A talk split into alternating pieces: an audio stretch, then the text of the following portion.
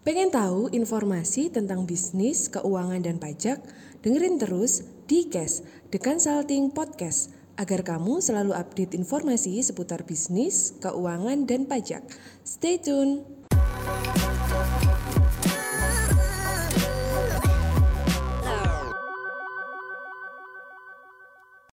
Halo sobat-sobat The Consulting, kali ini kita akan membahas tentang analisis fundamental pada laporan keuangan. Oke, jadi yang dibutuhkan dalam menganalisis uh, secara fundamental dalam laporan keuangan itu yang dibutuhkan tentu saja laporan keuangan itu sendiri. Nah, laporan keuangan itu kan banyak.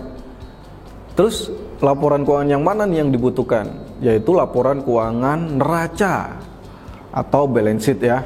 Nah, atau laporan posisi keuangan di dalam laporan keuangan itu kita akan e, mencari rasio-rasio penting dalam menganalisis e, laporan keuangan secara fundamental yaitu ada EPS earning per share, kemudian ada PER, PER.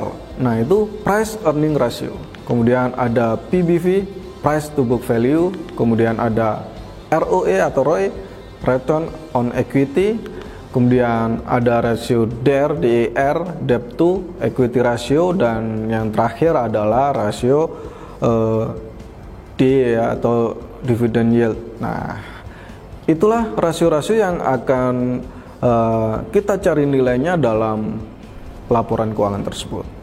Pertama kita akan membahas tentang EPS, earning per share ya. Nah, rasio ini itu uh, me mengindikasikan bahwa setiap uh, lembar saham itu bisa menghasilkan laba bersih sebesar berapa sih? Nah, itu gunanya rasio IPS ini. Nah, IPS yang selalu naik artinya perusahaan ini uh, punya pertumbuhan yang baik juga. Nah, kemungkinannya berasal dari penjualan yang naik dan laba yang naik juga. Nah, tetapi ketika IPS ini uh, turun nilainya, nah itu menunjukkan uh, penurunan dalam segi penjualan, dalam segi laba seperti itu.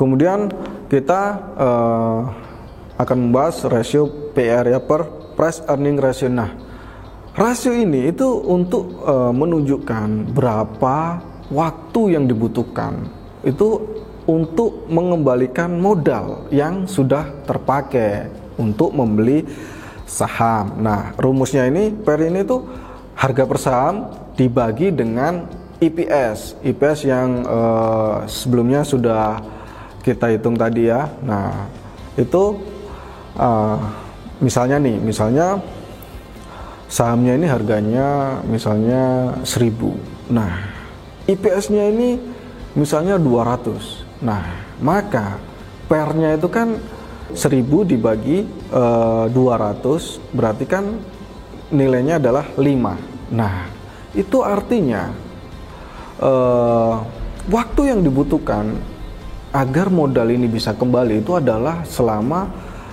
lima tahun. Nah itu anggapannya uh, labanya itu dianggap konstan ya gitu. Kita abaikan sebentar. Jadi kita hanya menghitung dari harga per saham uh, dibagi laba per saham gitu. Jadi uh, 100 1000 dibagi 200 sehingga hasilnya adalah 5 artinya butuh waktu 5 tahun untuk uh, kembali modal.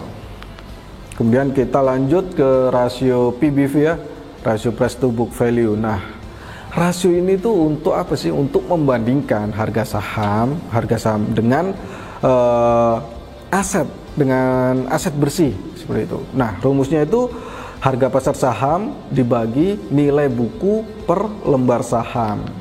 Misalnya nih, PBV sebesar uh, dua kali ya. Nah, itu apa sih artinya? Artinya itu apa? Bahwa harga saham itu sudah uh, sudah naik menjadi dua kali lipat dibanding dengan uh, nilai asetnya seperti itu. kemudian kita akan membahas tentang ROE ya, Return on Equity. Nah, ROE ini e, menunjukkan bahwa modal ini atau equity, ekuitas ya, itu yang dimiliki perusahaan ini e, mampu menghasilkan laba bersih sebesar berapa sih? Nah, itu gunanya e, rasio ROE ya. Nah, misalnya nih ROE-nya sebesar e, 10%. Nah, itu artinya setiap 100 rupiah modal sendiri, nah itu bisa menghasilkan laba bersih sebesar eh, uh, 10 rupiah. Nah, oke okay, kemudian kita lanjut ke rasio selanjutnya yaitu DER, debt to equity ratio. Nah, rasio ini itu uh, untuk menunjukkan bahwa modal ini ya uh, modal dan hutang ini uh, dua dua poin modal dan hutang. Nah ini uh, untuk menunjukkan bahwa uh, rasio utang terhadap modal yang dimiliki perusahaan itu sebesar berapa sih gitu ya.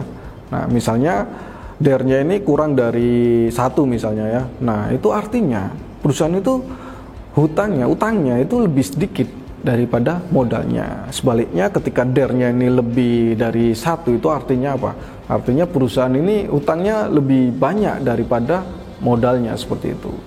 Kemudian uh, ada yang terakhir adalah dividen yield. Nah, dividen yield ini tuh uh, dipakai itu ketika apa? Ketika si investor itu mencari untung itu lewat dividen ya, lewat dividen. Jadi uh, si investor mencari perusahaan-perusahaan yang biasanya membagikan dividen yang uh, lumayan seperti itu.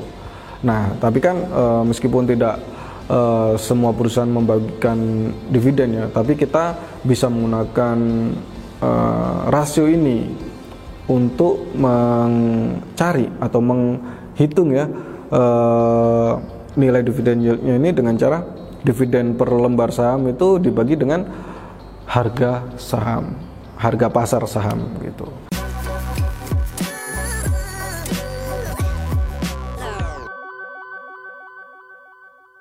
Terima kasih sudah mendengarkan Tikes. Sampai jumpa di episode berikutnya ya.